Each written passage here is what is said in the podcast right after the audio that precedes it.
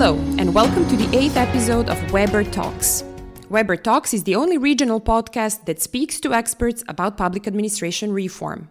Weber Talks is part of European Talks, a podcast conducted by the European Policy Center, CEP Belgrade, the Weber project coordinator. Our today guest is Mr. Gregor Virant, head of SIGMA, an initiative of the Organization for Economic Cooperation and Development, OECD, and the European Union. Welcome, Gregor. Thanks for having me. You were our first guest in the first episode of the Weber podcast in September 2020. And then we discussed about the Sigma OECD principles of good administration and how civil society can help actors like Sigma in the pursuit of a joint mission of improving governance in our countries in the Western Balkans. The principles which Sigma, together with the European Commission, promotes and uses to guide the reforms in the Western Balkans are now being reformed themselves. Can you tell us why? Well, there are several reasons. Um, every policy has to be evaluated after a certain period of time, and this is what has now happened uh, with the principles. Uh, we have applied them many times in practice. We have seen what has worked, what hasn't worked, and on that basis, we have to update them.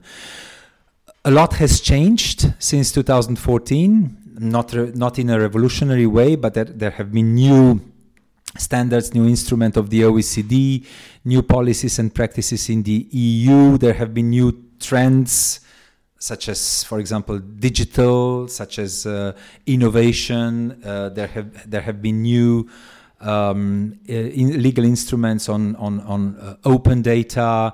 Uh, and so on and so forth, and of course there there there was also COVID, COVID period that taught us that uh, the you know the working the way we work uh, could change and we have to incorporate all that in the principles of so public can you give us a concrete example? How has covid um, uh, influenced now the new principles? What is new in the principles as a lesson learned from the covid experience? Well that's very straightforward. In the in the current principles we don't have much emphasis or practically no emphasis on the flexible working arrangements. Mm-hmm. in the new principles there is there will be a, a special uh, uh, sub principle on the exactly on that flexible working relations, possibilities of uh, teleworking, of, yeah, of, of remote work, possibility of uh, flexible working hours as a part of the overall working environment that uh, that uh, impacts the, mot- the motivation of uh, civil servants. And how about, um, uh, for example, um, um, working in the uh,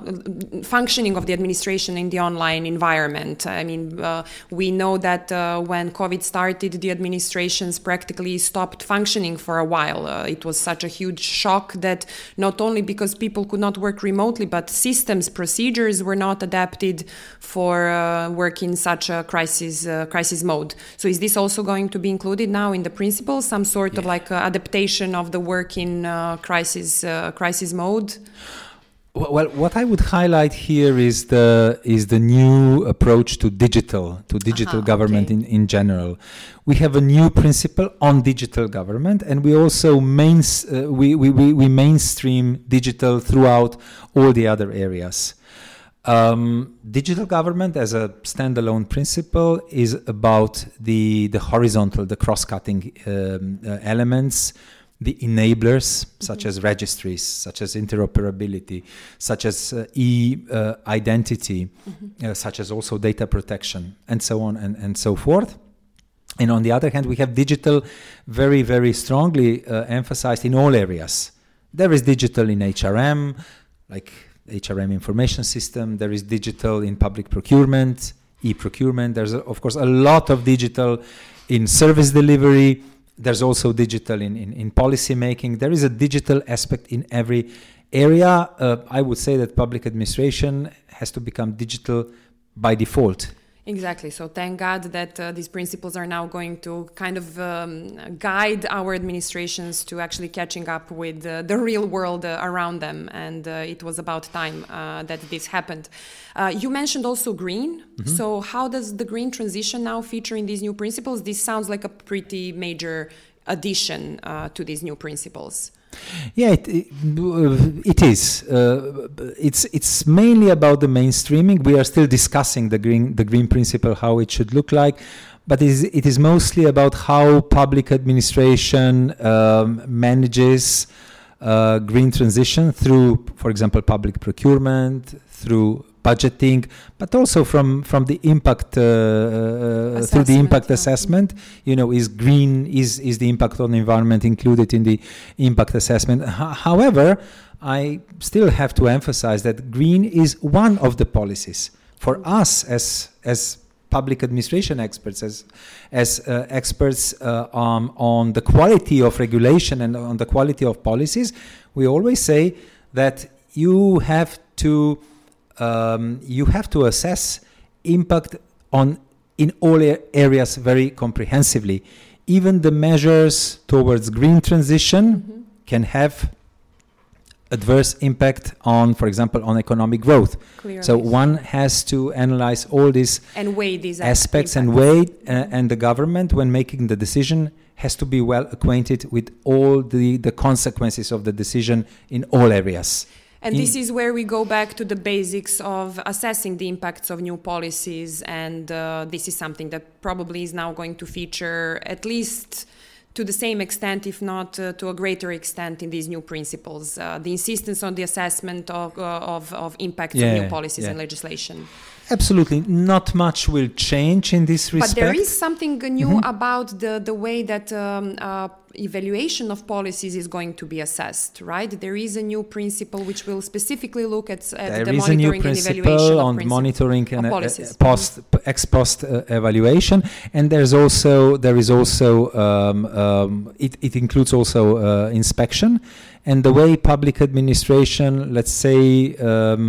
Uh, manages compliance with regulation. This is excellent. Uh, there is also uh, one more thing which we haven't mentioned and which is definitely new in these new principles, um, and that is focus on multi-level mm-hmm. governance and on, on sub-national levels of governance. I remember back in 2015, uh, right after the first principles were published, there was already at that time some criticism in a way towards the principles uh, stating that they don't uh, include the local level, that local administrations yeah. are at least as important, if not even more important, for the f- uh, functioning of a country within the European Union, uh, because a lot of the legislation has to be actually implemented uh, at the local level or subnational levels in, uh, in EU member states. So now this inclusion of multi-level governance seems to be some sort of a response to to this kind of criticism. You mentioned that yeah. principles are in a way a response to the evaluation of uh, of how they have worked in the previous. Uh, what is it? Um, uh, eight years or, or so. So, um, what is new with with with this addition of multi-level governance, and how will Sigma now include multi-level governance in the principles? Will it assess also the work of the public mm-hmm. administ- of the local administrations?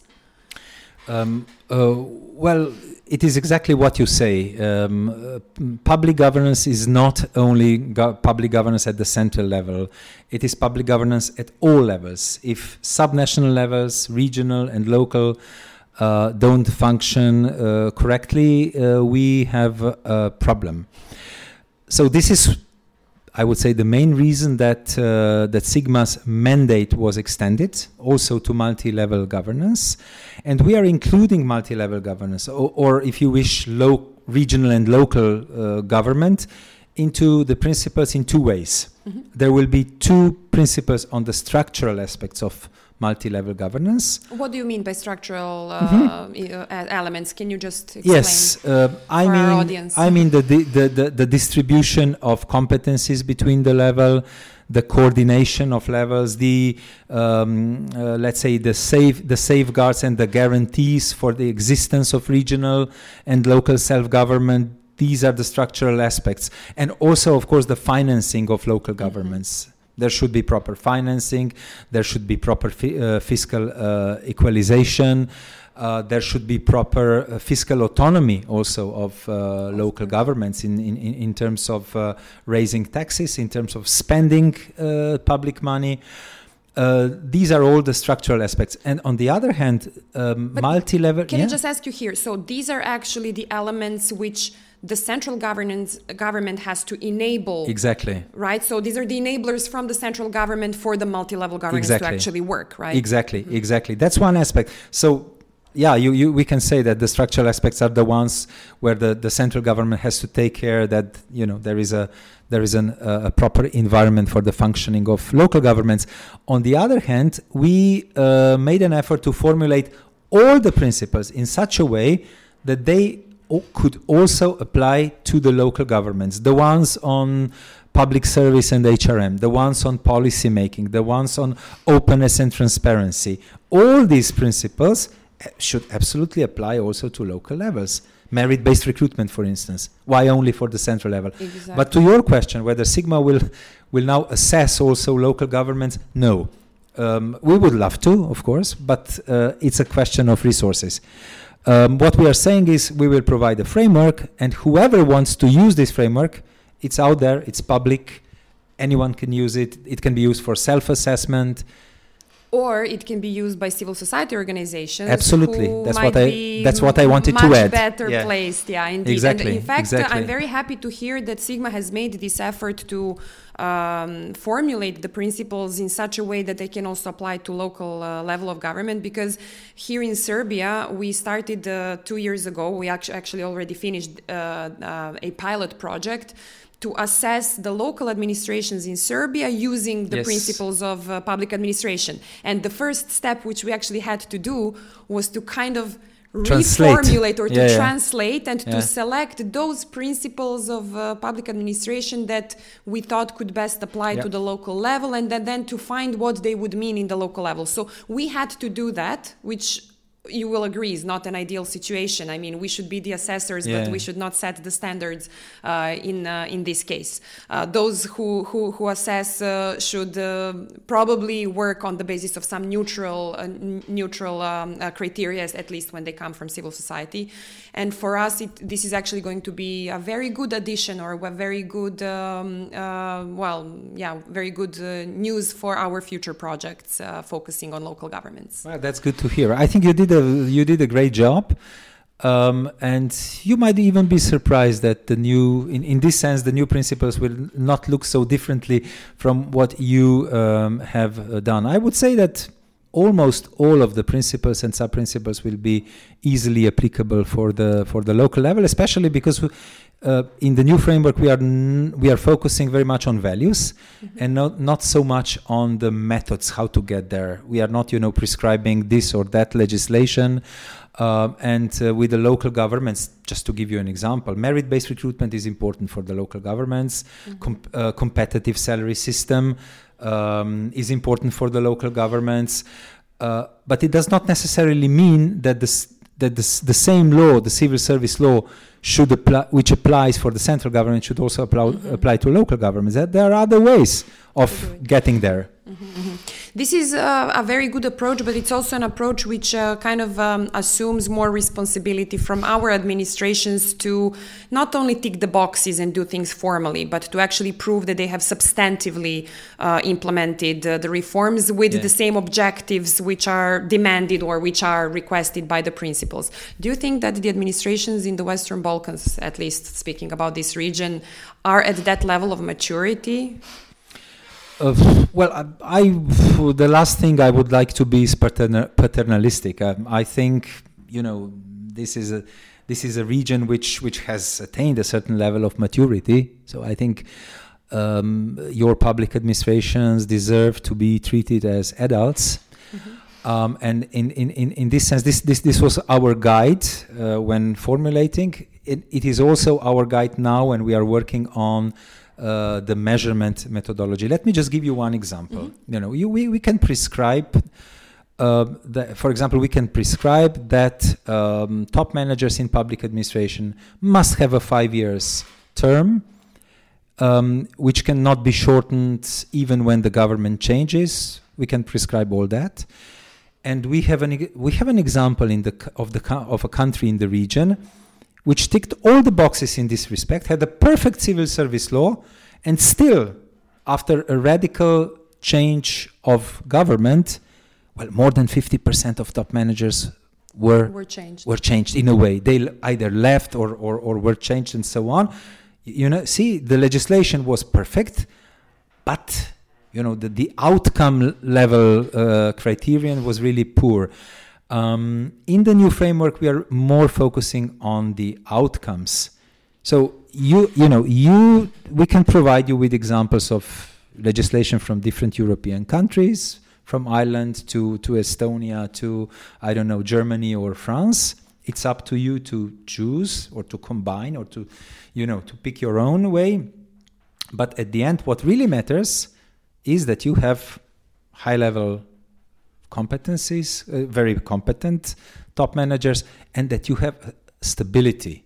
Indeed. So these are the outcomes which are, are the which outcomes. are needed.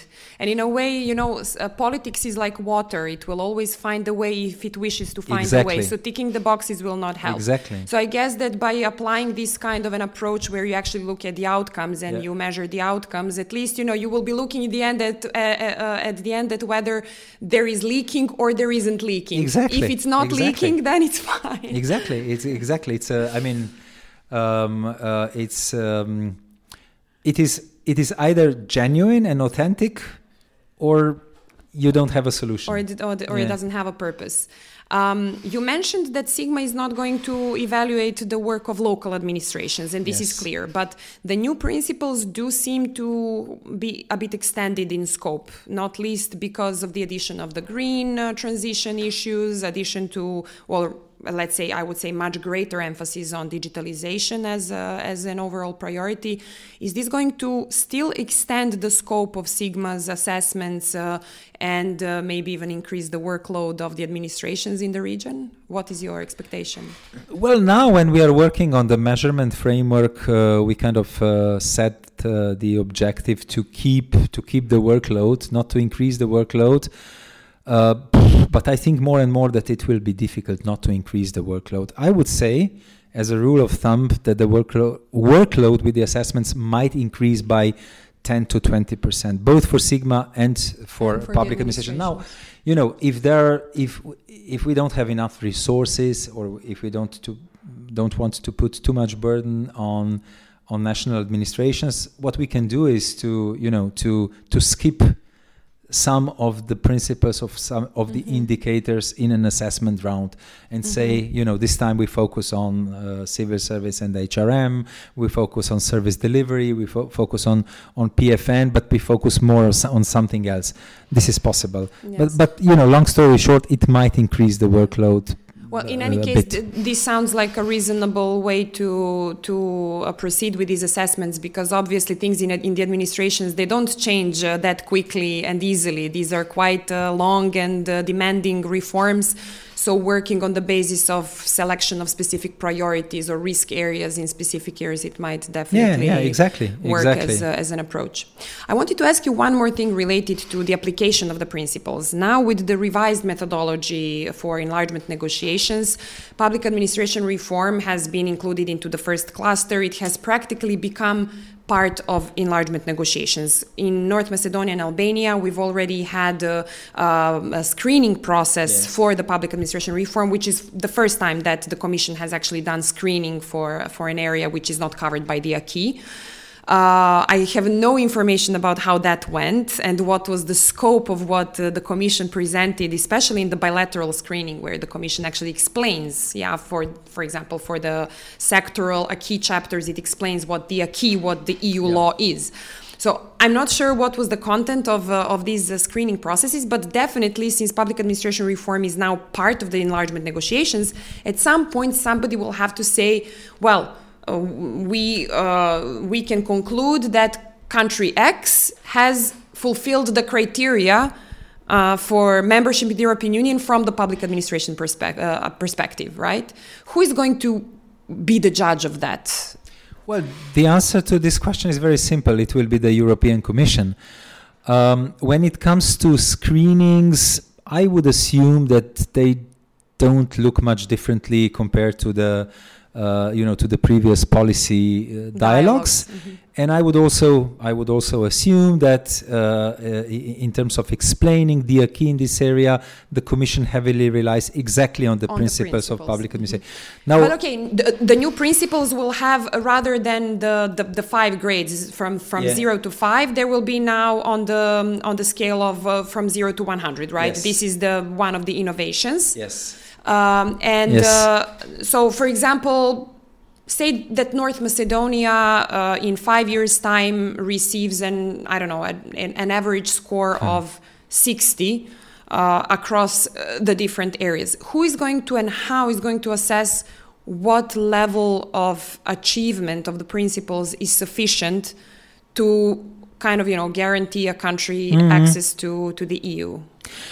It will be the Commission uh, for sure, but I don't believe that the Commission will set the threshold in in such precise, precise quantitative manner. way to say you know you must have the average of at least 75 uh, 75 percent and you must and and uh, no, um, no, area can have less than 60 or something like that i don't believe so. i don't think so i think that it will be the commission will focus on the on the on the on the big picture uh, on the narrative, and also that public administration will be treated uh, within a broader package, you know, with democracy, with the rule of law, um, and uh, everything. But but ultimately, the question, the answer to this question. Uh, only uh, is is only in the hands of the European, of the European Commission. Commission. Yeah. Well, for those of us who work uh, on creating the pressures for reforms within yeah. our countries, uh, certainly, you know, holding the governments to a specific uh, result they need to achieve would be very uh, positive and yes. it would be um, you know it would make maybe our work and our lives easier but of course i understand that uh, there there is there are many other factors which will be yeah, taken into and account. you know i also have to be self-critical you know no methodology is perfect yeah of course and sigma's methodology is is is not perfect and uh, just to give you one example, you know, when we when we look into the practice, that, that that's our goal, you know, not not to look only uh, into the legislation and, and, and, policy documents and so on, but also to to look at the practical implementation. We can realistically only scratch the surface. You know, if you want to see what the quality of regulatory impact assessments is, um, we can, with our resources, look at five or ten RIAs but there are hundreds of laws and bylaws that are being enacted every year. So Indeed. there are limitations to our work as well. And if I would advise the Commission not to be too, you know, mathematical and scientific in in in this uh, uh respect. But luckily, you also have some allies in the countries in which you are working, and those allies. Um, to a great extent come from the civil society, which has in a way a shared mission. I mean, at least those of us uh, in the civil sector who work on governance and administrative reforms, we do share the same mission as Sigma, which is improving the governance, improving the, the management of the administrations, and ultimately also improving the quality of services for the citizens, uh, legal certainty, quality of life for all uh, for, for, for all of our societies. So over the past seven years since uh, the first Weber project started, um, Sigma has really offered a lot of support and a lot of uh, a lot of very positive collaboration uh, to the civil society. We have we have had uh, joint trainings, um, many events. We have consulted Sigma many times when we were developing our methodologies, and we, when we needed advice, uh, we uh, we could always come come to Sigma for advice, and we have always felt that you have been uh, our allies and that we have been your allies in pursuit of this better governance in the region. Does Sigma have any concrete plans on how you will engage with civil society now in the implementation of the new principles? Um, do you have any any plans to extend cooperation with civil society organizations in the region in the in the coming years? Yeah, absolutely. We would like it to continue. Uh, we would absolutely like the Weber uh, project to uh, continue. We and it will be because we got uh, a third consecutive uh, uh, round of financing. So the new Weber project uh, has actually just started a couple makes of days us, ago. Makes us happy also. Um, you know, your role is uh, invaluable. Um, for you have two things which makes your your your um, added value so important: um, professionalism and independence. This is what you have. You are independent from your national uh, governments. You have a lot of knowledge. Uh, um, you have a neutral uh, perspective, uh, and you look at public administration systems from the perspective of of citizens, experts, yes, but also from the perspective of citizens. So this is what I think uh, puts you in a unique position to uh, to to to be a watchdog, to be to to to monitor uh, but also to give you know positive um, uh, advice, recommendations to the government, uh, and be loud and make the governments listen to you.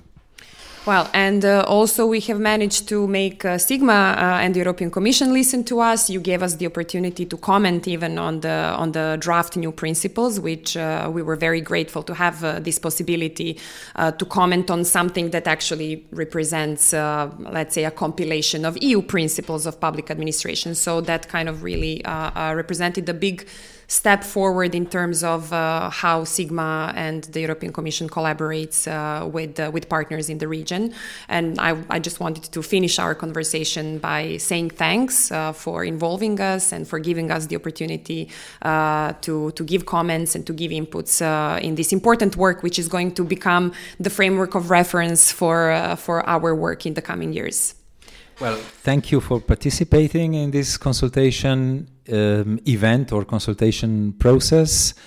Um, your comments are very valuable. We will look into them, and I can assure you that many of them will be reflected in the final version of the Principles of Public Administration you can count on us. And since we are giving thanks, I wanted to thank you for joining us for this uh, um, Weber um, podcast episode. I think this discussion is going to probably be uh, useful to those, all of our colleagues in the civil sector who maybe weren't able to, to, to participate in the consultations and learn a little bit more about these innovations that Sigma, uh, OECD, and uh, the European Union are doing in the area of public administration reform. So thank you. Thank you, Gregor. The pleasure was all mine. Thank you.